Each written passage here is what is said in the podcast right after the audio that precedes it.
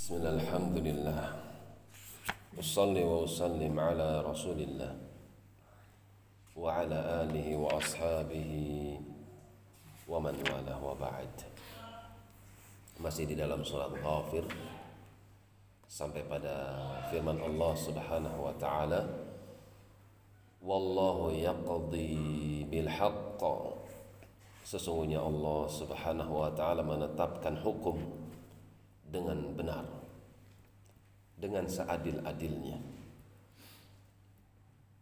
Membalas kebaikan dengan yang lebih baik dan tidaklah kejelekan dibalas kecuali sesuai dengan apa yang telah dikerjakan oleh hamba tersebut. Adil.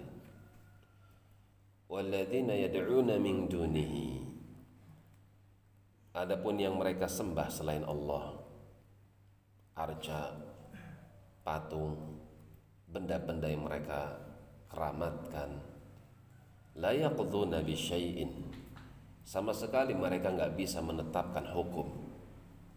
Hukum terkait tentang masalah pidana masalah hukum pernikahan masalah hukum jual beli masalah hukum permasalahan ibadah mereka nggak punya hukum-hukumnya karena mereka makhluk memiliki sekian banyak kekurangan sehingga mereka tidak bisa menetapkan sesuatu Innallaha huwas sami'ul basir.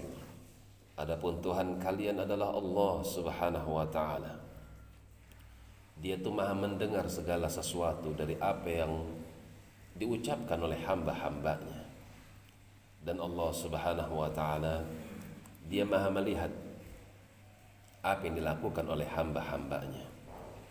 Sehingga tidaklah Allah memberikan hidayah kecuali kepada hamba yang Allah kehendaki dan tidak pula Allah membiarkan hamba tersebut tersesat kecuali itu di bawah kehendak Allah Subhanahu dan Dia Maha Adil lagi Maha bijaksana dari apa yang telah Dia tetapkan.